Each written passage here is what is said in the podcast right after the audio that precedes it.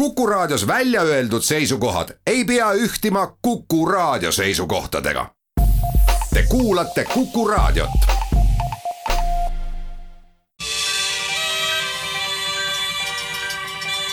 maatund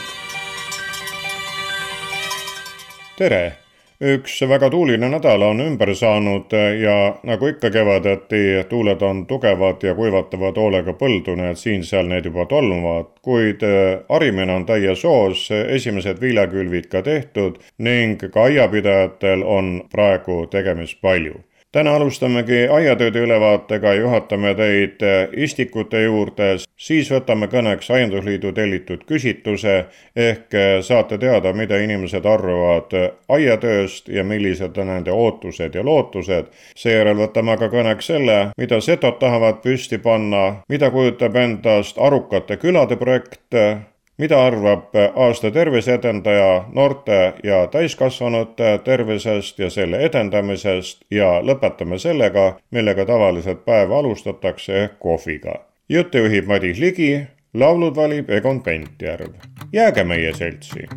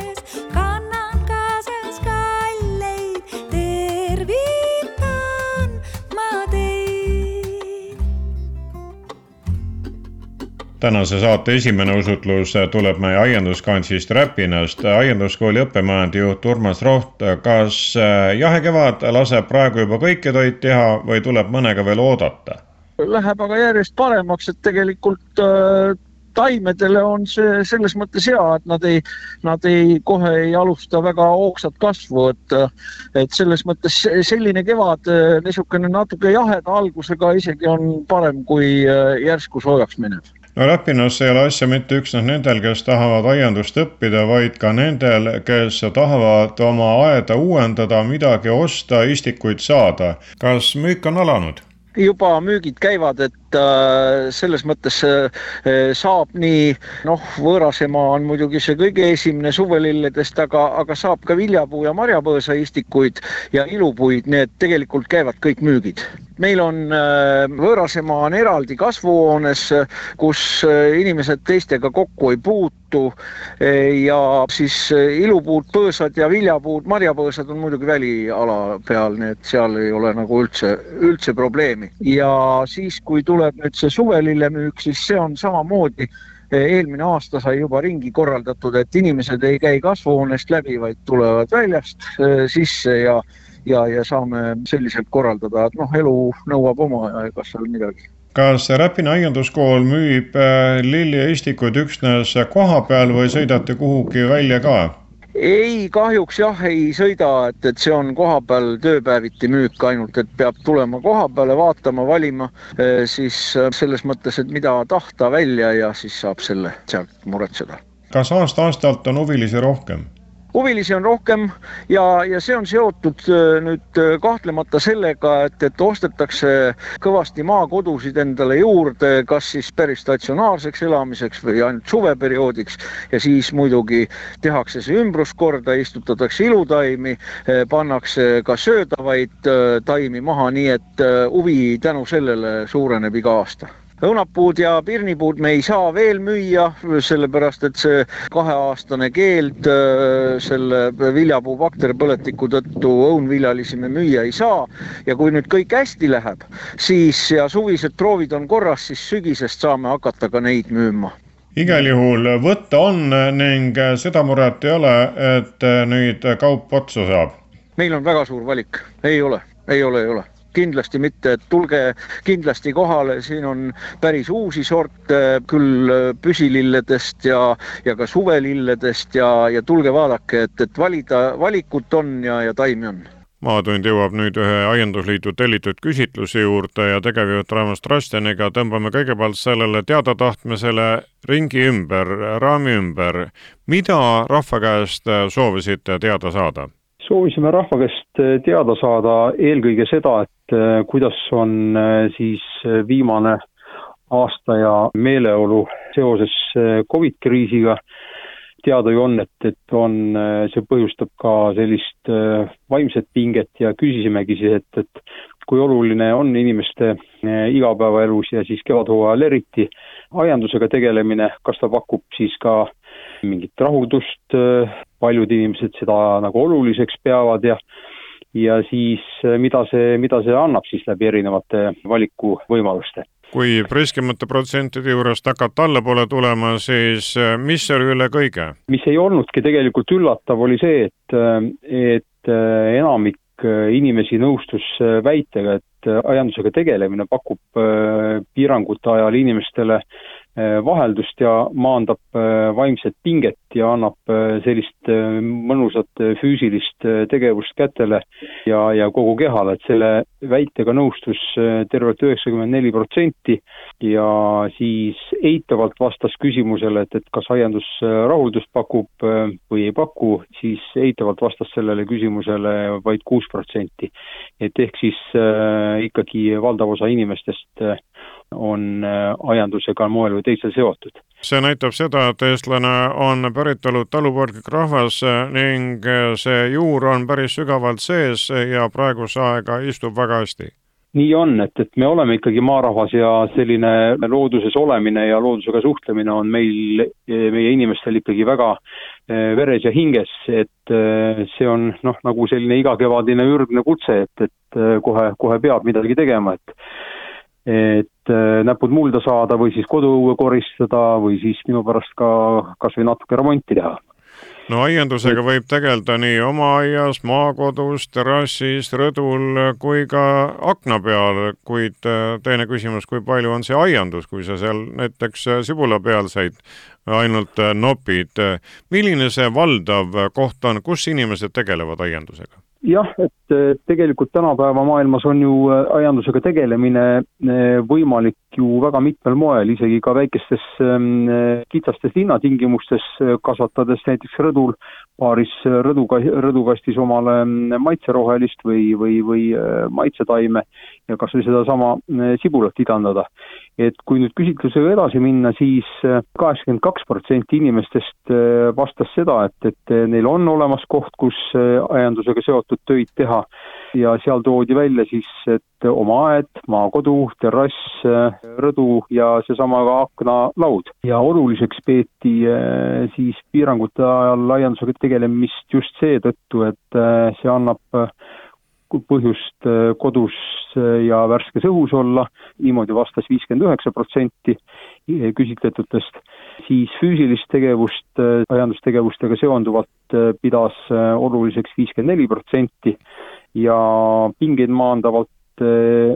ja teraapilist eh, mõju leidis sellel tegevusel olevat siis viiskümmend üks protsenti näiteks. loodetavasti need inimesed, kes aiandusega tegelevad, ei ole siis eh, sellised ühe hooaja tegelased, vaid ikkagi pidevalt nauditakse seda, et saab ise midagi teha ning omast käest on võtta nii kurgid, tomatid, maitseroheline ja muu, mis palju pinda ei vaja, rohkelt aga rõõmu teeb ja toob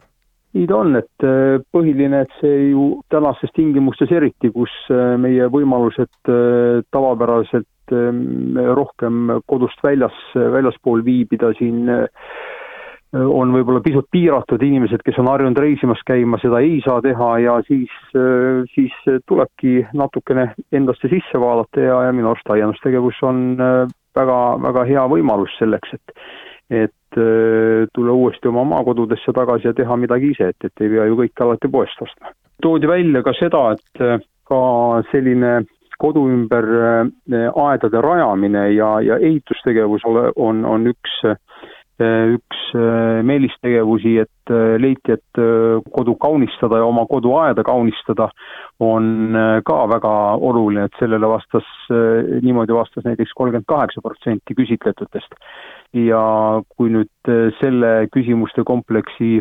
kas siis negatiivset või sellele, seda mitteoluliseks pidavaid inimesi siis äh, silmas pidada, siis ähm, sellele vastas siis eitavalt, et see aias tegelemine oluline ei ole kuueteist protsendile inimesele, inimestele, et seda on ka ikkagi märkimisväärselt vähe, nii et enamus on ikkagi sellise aias toimetamise poolt küllap oodatakse pingsalt, et millal aianduspoed jälle lahti lähevad, et saaks seemneid ja istikuid ja muud kevadtöödeks vajalikku kohe muretseda? jaa eh,, nii see on, et eh, aiandus teadupärast on ju hooajaline tegevus ja, ja siin paljudel ettevõtetel, eriti sellistel väikestel ettevõtetel on, kes on tegelenud taimede ettekasvatamisega,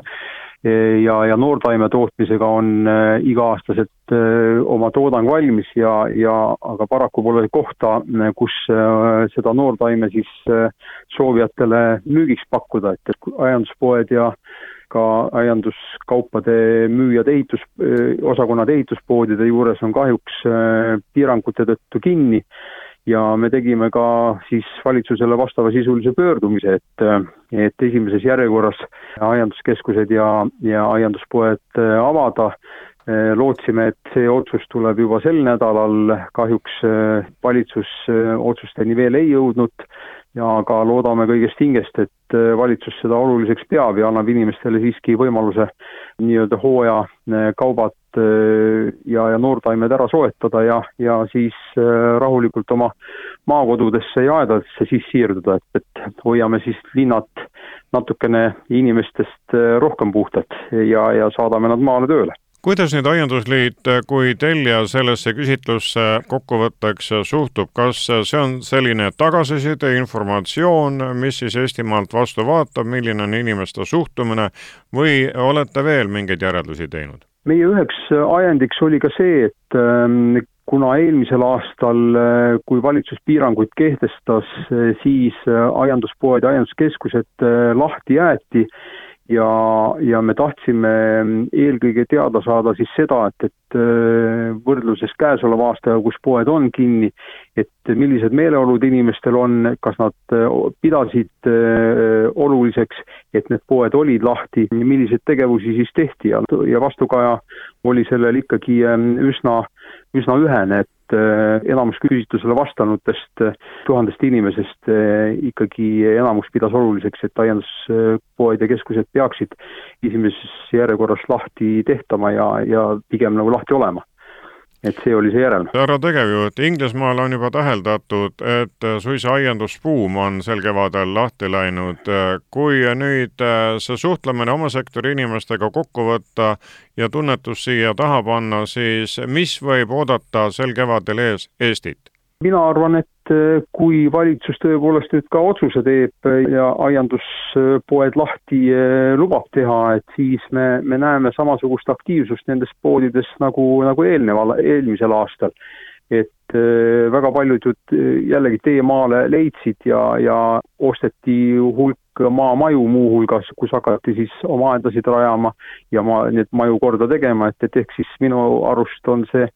selle Covidi olukorra positiivne pale see, et äh, on märgatavalt äh, maaelu elavnenud ja, ja inimesed on saanud, äh, tulnud kuidagi oma juurte juurde tagasi, et see on minu arv-, arvates väga oluline. Ja, ja kuna on valitsus vahetunud ja, ja tööjõuprobleem ka, ettevõtteid enam ei tohiks kimbutada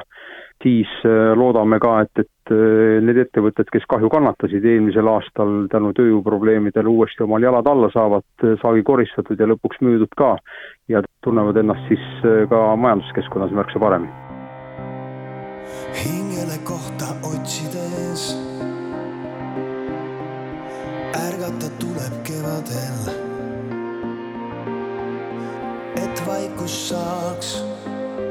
uuesti muusikas taas kõlama. tuulega kaasa lennates, kõrgelt on näha muutused. kõik tärkamas, parema meelega üks määratab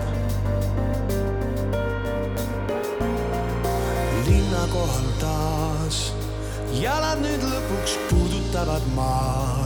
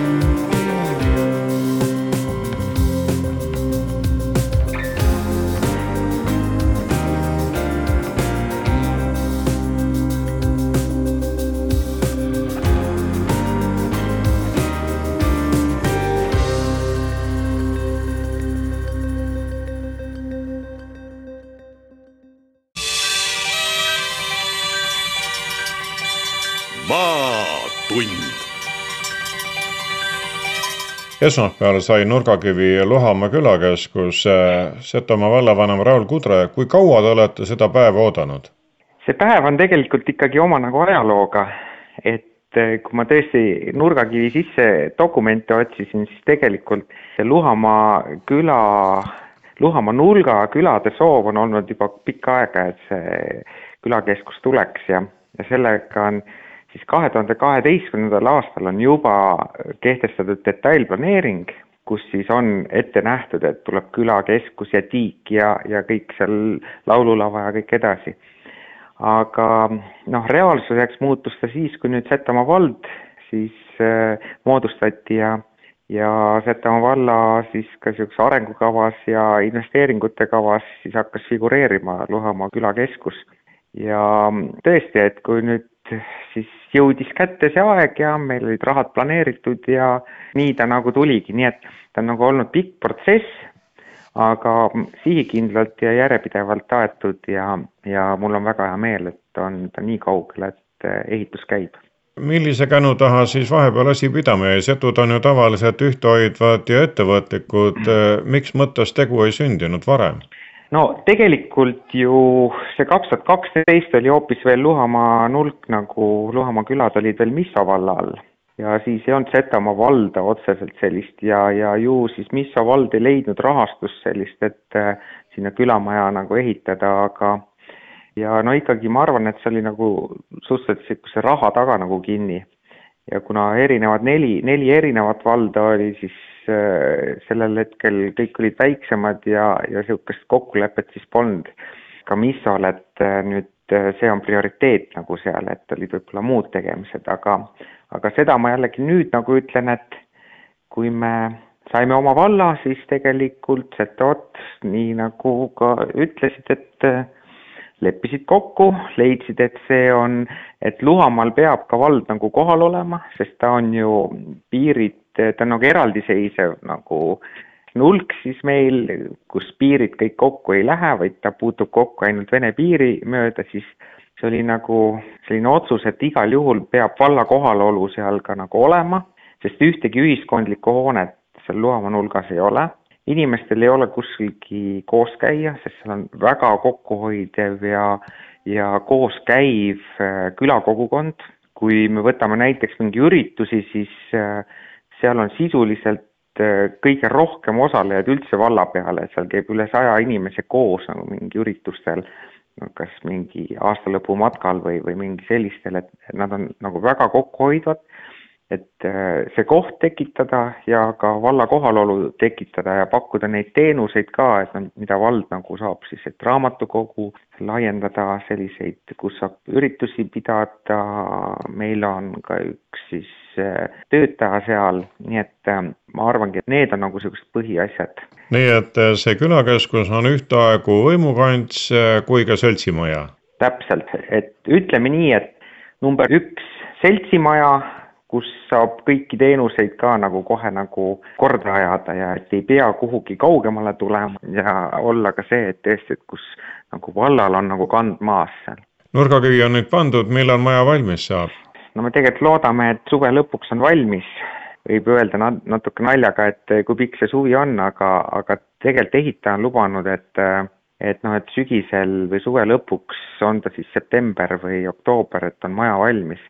Neil olid isegi kiiremad plaanid, aga talv ei lubanud nagu töid teha, sest sest ilus talv ja seal mägede ja kuplite vahel Luhamaal ei saanud nagu talvel ehitada midagi, nii et äh, sellepärast ta natuke seisis, aga nüüd täishooga käib ja mina nagu loodan, et september-oktoober me võime juba seal siis ka linti lõigata. kas ühinenud Setomaa vallas on äh, plaanis veel mõni külakeskus rajada? Täpselt sellist kindlasti hetkel ei ole plaanis, kuid me oleme nagu panustamas teatud kohtadesse, näiteks Saatse küla, mis on iseenesest võib-olla suuruselt sama suur,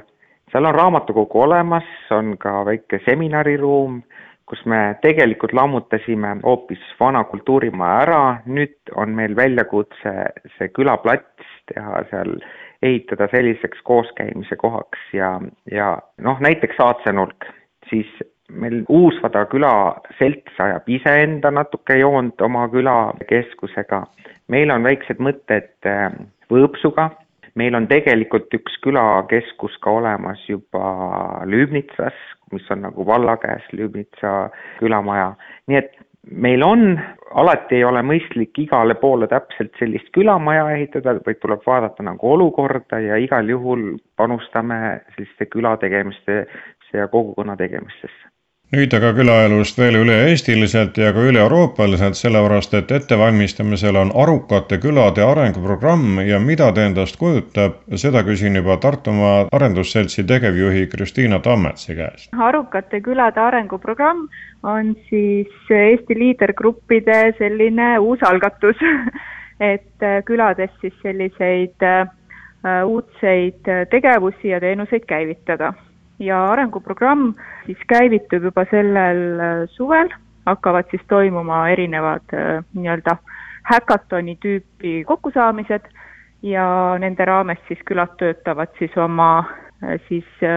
nende arenguväljakutsetega, mis siis nende jaoks olulised on. Kui paljud Eestimaa külad on sellesse kaasatud? sellesse liidertegevusgruppide ellu kutsutud arenguprogrammi on hetkeseisuga kaasatud kakskümmend neli külapiirkonda, need ei ole kõik äh,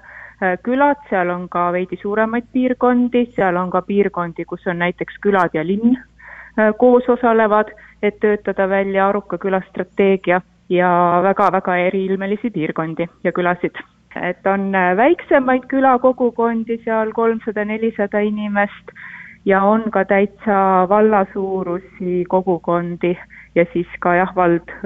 või linn koostöös siis, siis veel ka, äh, ka ümbritsevate küladega. mille poolest erinevad arukad külad tavalistest? mulle väga tegelikult meeldib Virtsu kooli direktori Stanislav Nemerhitski tõlgendus sellele, et, et arukas küla on äh, siis äh, eelkõige selline külakogukond, kus äh, inimesed tulevad kokku ja nii-öelda oma aruga siis mõtlevad välja, mida on vaja teha, et võib-olla paremini siis ära kasutada seda kohapealset potentsiaali, tugevusi, kõike seda väärtuslikku, mis kohapeal on ja, ja leida siis ka vastuseid väljakutsetele või probleemidele, mis kohapeal on. et ühesõnaga jah, et, et inimesed siis oma aruga juhivad oma piirkonna või oma kogukonna arendusprotsessi. kas keegi kõrvalt aitab neid nõu ja jõu ja rahaga? jaa, arukate külade sellist kontseptsiooni hakati Euroopa tasandil siis välja töötama juba, juba mõni aasta tagasi. Ja järjest rohkem on seda siis ka tutvustatud liikmesriikidele. Ja mul ongi väga hea meel, et Eestis meil on nüüd see välja jõudnud siis väga äh, kohalikule tasandile. Ja noh, eeskätt praegu ikkagi näeme, et äh, liidertegevusgrupid võiksid olla siis need äh,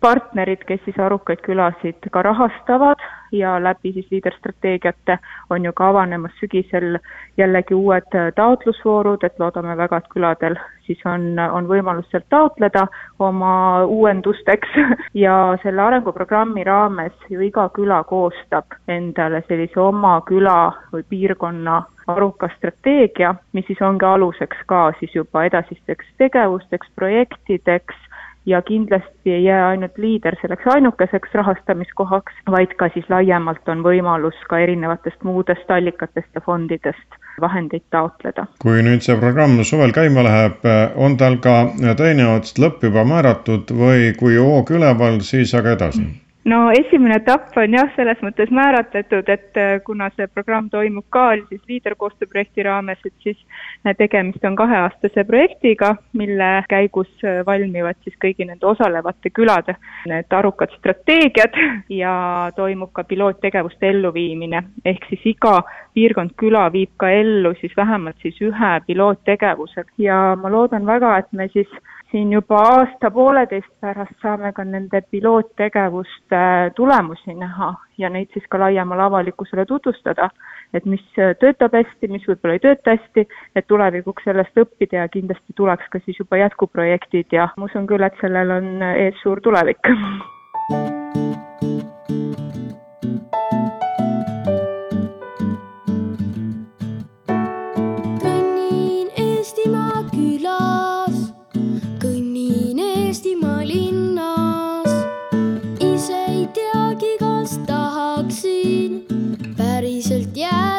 Sinna. kas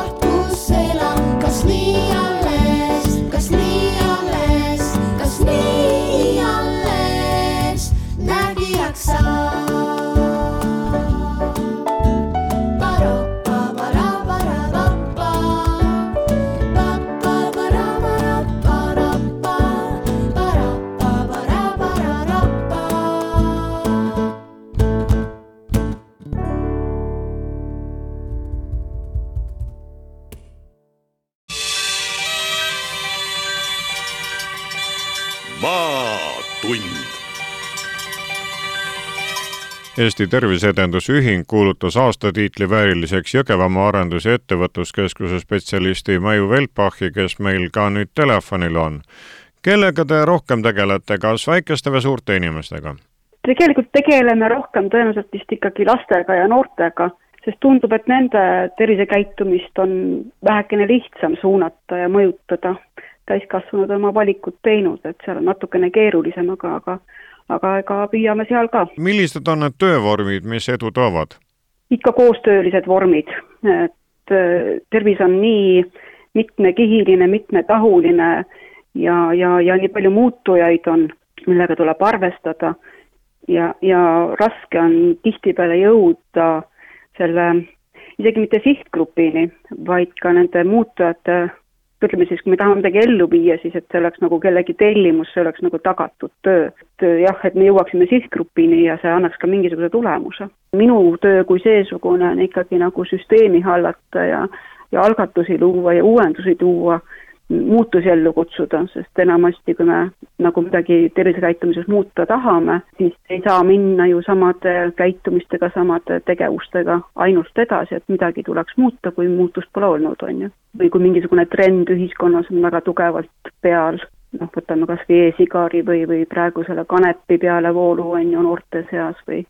ka või sellest koroonakriisist lähtuvalt vaimse tervise probleemid on ju noortel ja niisugused ärevus ja, ja teadmatuse seisundid on ju, et, et raske on noorel inimesel toime tulla sellega, et täiskasvanulgi keeruline, et et meil lõppes sellel aastal pilootprojektina Jõgevamaa gümnaasiumis vaimse tervise valikaine, kus me siis tundide raames püüdsime noortega arutleda ja nagu suunata neid enda sisse vaatama, et nad oleksid iseenda olemusest rohkem teadlikud ja oskaksid selles virvarris ja nendes valikutes iseenda ees ootavates seikades elus ja, ja, ja väljakutsetes nagu rohkem iseendaks jääda. tähtis on suunata neid õigete infoallikate juurde, et nad juba oskaksid ja teaksid otsuseid teha. just, ja minule meeldib öelda, et hästi oluline on esimene infoallikas ehk siis tegelikult lapsevanem ja turvaline infoallikas selles mõttes, et et enamasti me elu jooksul ikkagi kinnistame seda, mida me juba teame, laiendame natukene enda avarduse mõttemaailma noh, võimalustega, aga, aga ikkagi nagu päris uut mõtet on suhteliselt keeruline ju juurde võtta ja kui sinna on esimese infona tulnud mingisugune noh, ütleme ennast, ennast hävitav kas äh, see tähendab seda, et aasta-aastalt läheb see selgitustöö äh, koolilaste seas raskemaks? Ma nüüd raskemaks, ma ei ole nagu selles mõttes otseselt ju kooli tööta-, koolis töötan, aga enam juba kümme aastat, aga, aga tundub, et neid kõneteemasid, millega noortega tuleks, peaks ja, ja võiks koolikeskkonnas ka ja noored omavahel sellises turvalises keskkonnas arutada, neid ikka on omajagu, et, et just seda turvalises keskkonnas enese väljendamine kui meie oma valikaines tegime hästi palju grupitööd ja lasime noortel arutleda nende teemadega ja hiljem arutasime omavahel edasi, on ju, siis nad tõidki välja selle, et nad, nad said nii palju nagu oma mõtetele ja oma maailmaruumile nagu laiendust, et midamoodi üldse saab, saavad teised inimesed ka arvata. et aga see on ju kõik see sotsiaalne toimetulek meil empaatia ja sotsiaalne toimetulek, et millega me ellu, ellu edasi läheme, enda maailma teiste inimeste võrra nagu avardamine kevad peaks äh, terviseedenduse seisukoha pealt olema üks hea aastaaeg, et rõõmu on päev-päevalt järjest rohkem ja looduse tärkamine iseenesest on juba väga positiivne ja annab nagu hea impulsi. mida teie nüüd terviseedendajana soovitate kevadisel ajal inimestel teha selleks, et ennast paremini tunda? kevadisel ajal on ikkagi terve aasta läbi oleks ju väga tervist edendav, liikuda aitab nii vaimsele tervisele kui füüsilisele tervisele väga tugevasti kaasa, võtta kaasa sinna sõber kaks ja minna ka praegustes oludes, on ju, õue kõndima, jooksma, kellel mis harjumused on või kui neid harjumusi ka ei ole, siis tuleks, võiks neid tekitada ja märgata seda, mis on enda kõrval, mis seal looduses toimub. märgata seda õiepunga, märgata seda, seda rohelist liblet, mis praegu mullasest välja ajab, et et seda negatiivsust ja kurjust ja hirmu on praegu ühiskonnas omajagu, et, et sellest ennast nagu vähemalt selles jalutuskäigul või, või, või sportimise hetkel nagu välja lülitada ja siis rääkidagi võib-olla rohkem nendest meeldivatest ja positiivsetest märkamistest omavahel ka ja tunnustada üksteist. ehk siis tuleb osata rõõmu leida ja seda rõõmu ka teistega jagada? just.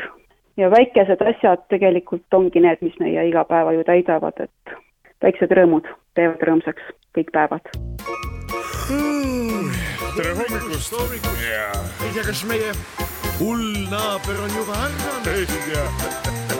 külma, kuuma ei karda iial maa. ärkas. seda arstidki imestavad ka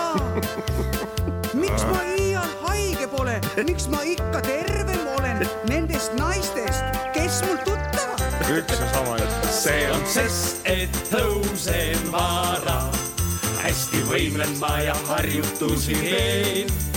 sest et püsivalt iga päev on vaja karastada end kraanivees sa seda vanarahva tarkust tead, et küürakat parandab ainult haud. Olgu, pane kohvi tulele. kuulame, mis ta laulab meile? Kuinka keerukas õppetöö mul ees. Oh ikka täpselt, ma selle valmis teen. õpib alles ja mingi oig. töötan väsimatult aina, kui käib võistlus, võidan mina, liugen jää, ei külmast värise. see on sest, et tõusen vara,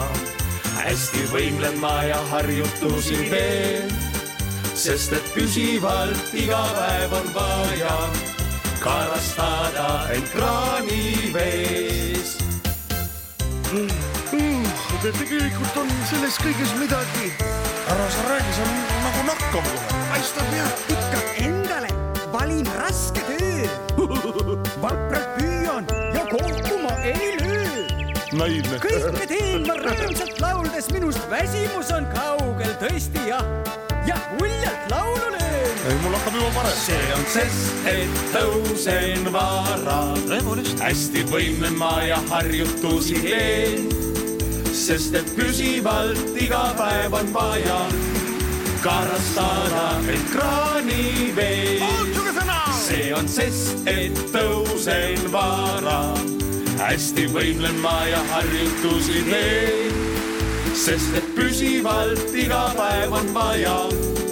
karastada end kraanivees. niimoodi see lugu läks. Ilusat päeva. paljud alustavad sellega päeva, koosolekutel, konverentsidel on suisa sellenimeline vaheaeg ning hiidlastel on isegi üks jaotus, et kohvilähkrid on ka olemas. mõnele on vaja veel õhtul ka tassikest, ehk me võtame professor Mihkel Silmeriga täna jutuks kohvi.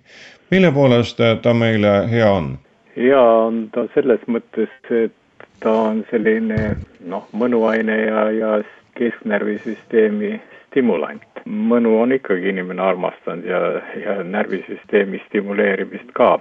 sealjuures on ta üsna süütu, tõsi küll, jah, kui inimene on krooniline kohvitarbija, siis tasapisi kujuneb tal välja selline noh, sõltuvus, et ta ikkagi tahab kohvi saada mingil hetkel vähemalt kord päevas. noh, see ei ole nagu paha sõltuvus, kuigi see on sõltuvus, sest ega kohvi mõistlikus koguses mingit probleemi ei valmista ja kõigepealt võib-olla siin jutu alguses ütlekski ära selle, et eh, kohvi kohta on kindlasti ju kirjutatud mis tahes keeltes õudselt palju informatsiooni, aga lihtsam on meelde jätta lihtsalt see, et kui te tarbite kaks kuni neli tassi korralikku kohvi päevas, noh, sellised normaalsed tassid, siis tegelikult ühtegi probleemset toimet sellel joogil ei ole. Nii et see on kindlasti selge, et sellises koguses saadud kofeiin, kohvis on muidugi ka sadu teisi ühendeid, nende hulk on väike, ei kujuta teile tegelikult tervislikku probleemi üldse. nüüd, mida ta veel teeb, noh näiteks ta ergutab ka seedetrakti tööd ja kui küsida, et kas seda on enamikel inimestel rohkem vaja kui vähematel inimestel, siis kindlasti. Küll tasuks tähele panna, et kui on seedetrakti probleemid, ütleme seal maoülehappas ja nii edasi, siis kohvi loomulikult ei, ei sobi. ma ütleks kokkuvõttes esialgseks juba selliselt, et kohvi on mõistlik jook, teda on mõistlik tarbida mitte üle kahe kuni nelja tassi päevas. Te võite tarbida kohvi suvalisel ajal, aga kui te hommikul tarbite, siis oleks mõistlik, kui te oleksite ikkagi hommikus söönud ja siis tarbite kohvi, sellepärast et ta ei ole päris seda tüüpi jook, mitte et ta midagi paha teeks, et lihtsalt tühja kõhu peale juua kanget musta kohvi, jah, te näete filmis või kus iialgi episoode, kus inimene ärkab üles ja siis hakkab kanget musta kohvi jooma. see on filmi episood, see on, näitleja mängib seda, aga ikkagi hommikul tasuks natuke süüa, et teil oleks nagu seedetraktis asjad olemas ja siis, kui sinna peale joote kohvi, siis ühtepidi te veel stimuleerite seda seedimist ja teiseks kofeiini ergastav toime ei- kao mitte kuhugile. viimaste aastate trendiks äh, tundub olevat see, et äh, hommikuti haaravad paljud äh, Paptopsist, kas siis bensiinijaamast või mõnest toidukioskist kohvi kaasa, et võib-olla ei ole kodus enam harjutud jooma. eks samas on see ka selline sotsiaalne suhtlemine, et kes sealsamas püsti jala pealt selle kohvi ära joob, saab teistega juttu puhuda. no päevapeale samamoodi, et kohvi aitab äh, kaasa seltskondlikule läbikäimisele. Jah, kindlasti aitab, noh, palju seda seltskondlikku läbikäimist nüüd bensujaamades toimub, viimasel ajal vist enam mitte üldse, aga kindlasti, kui sa eespool juba ütlesid, et koosolekutel ja aruteludel tehakse kohvipausi, siis seal on täiesti selge, et, et see, mida nüüd koosolekul arutati või kohtumisel arutati, siis mingil määral selline informatsiooni vahetamine jätkub ka seal kohvipausi ajal. nii et selles mõttes on ta tõesti väga tugevalt sotsiaalne selles olukorras. Kui me räägime aga kohvi toimest, siis üks on oakohv, teine siis lahustav kohv, viimane on vist natukene rohkem ärgastav. ma nagu ei pööraks tähelepanu lahustavale kohvile üldse, ma, ma väga ei soovitaks lahustavat kohvi kasutada, sellepärast et vaadake, kui te saate oakohvi, korraliku kohvi, no ta võib olla ka kapslis olemas, valmis pandud see pulber sinna, siis te ikkagi saate lisaks kofeiinile ka te, ütleme sadu ühendeid veel. ei ole kindlasti olukord selline, et lahustavas kohvis on need kõik olemas, nii et ega kohvis on ka selliseid väiksemas kontsentratsioonis ühendeid, mis meie organismile on suhteliselt mõistlikud, nii et selles mõttes kellelegi ei keelata, aga lahustava kohvi joomine, noh, ütleme niimoodi, ta on, ta on samm tagasi kui selle normaalse õige kohvi joomine no veel üsna mitu sammu tagasi saame teha Tammetoru kohviga, kes ikka väga looduslähedane tahab olla ja mingeid uusi elamusi saada, see teeb ka endale Tammetoru kohvi. Või siis äh, uuem joon on need äh, tabletid, et äh, saad nendega ka selle pruuni joogi kätte. Saab küll jah, noh Tammetoruga, noh inimene võib seda teha, aga ma juhin ühele asjale tähelepanu et kui te teete sellise asja, teete noh, te võite ka katsetada, aga ei pruugi, et te teete korraliku oakohvi, nii siis teete sinna kõrvale kiiresti tammetaru kohvi, teete sinna lahustava kohvi ja panete tablette siis kusagile või, või võtate tablette kuivana, siis vaadake või panete tabletid lauale, ütleme siis, siis kui te kõiki neid nuusutate, tugevalt nuusutate, siis te tunnete sellist teile naudingut pakkuvat lõhna ainult sellest kohvioast, noh, tugevat naudingut ja, ja tugevat lõhna. Kohvioast tehtud joogis, nii et vaadake, siin ei tasu hetkegi ära unustada, et meie aju paneb kokku meile nii-öelda sellise mõnususe ja, ja hea toimega asja niimoodi, et ühtepidi me saame lõhna, siis me tunneme suus maitset ja loomulikult muud ained veel toimivad, nii et kohvi puhul on väga kõrges eh, hinnas ka see, et selle kohvi lõhn on niivõrd inimesele meeldiv, eriti noh, kui ta juba ka seda tarbinud, tarbija olnud, et see ei ole üldse vähetähtis, see on nii-öelda joomise juures, noh, söömise juures samuti on see emotsionaalne pool, selline lõhna pool äärmiselt oluline selleks, et me saaksime sellest asjast tõelise naudingu, nii et seda ikkagi pakub sisuliselt ikka korralikult tehtud äh, kohvi, sest igaüks, kes kohvi on vähegi joonud, kui keegi valmistab seal, noh, te olete mingis seltskonnas või nii edasi, hommikul tehakse kohvi, siis kõik, kõik ikka veavad ninaga, oo, hea, hea kohvi lõhn oli. juhin tähelepanu, et äh, kofeiin on oma olemuselt taimne pestitsiid, et ta on pestitsiid tegelikult, mille ülesanne on aidata taimel tappa teda söövaid putukaid, nii et seetõttu, miks ma seda juttu ütlen, ärge nüüd hakake kartma, kaks kuni neli tassi selle pestitsiidi hulka ei tõsta selliseks, et ta teile mingisuguseid halbu toimed annab. aga see, kui te joote ikkagi juba noh, ütleme väga palju kohvi, siis te saate ikka seda taimset pestitsiiti päris palju ja, ja see nüüd teps mitte ei ole enam väga mõnus teie organismile. kokkuvõtteks siis ütleks seda nõndamoodi, et kohvi on mõistlik jook, teda on tarbitud ju oi kui kaua läbi aegade. küll ma veel kord toonitaks, et üle temaga pingutada ei tasu.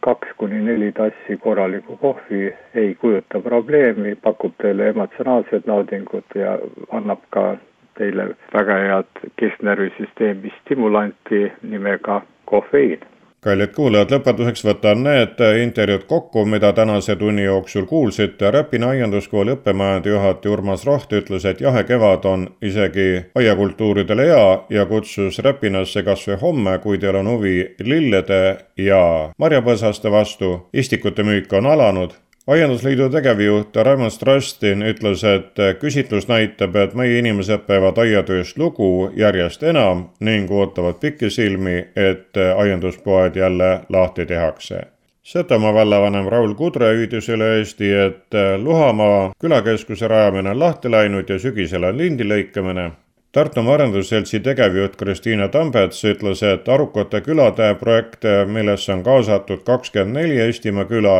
läheb suvel käima ja kestab kaks aastat ning võimaldab eh, omatahtsi piirkonda arendada ja saada ka liidrist ja mujalt toetust aasta terviseedendaja tiitli saanud äh, Maju Veltpah Jõgevamaalt äh, rääkis, kuidas käib töö noorte ja natuke vanematega ning Tartu Ülikooli professor Mihkel Silmer jagas teavet kohvi kohta. saate pani kokku Madis Ligi, laulud valis Egon Pentjärv. aitäh kuulamast, olge töökad ja terved ja nautige kevadet!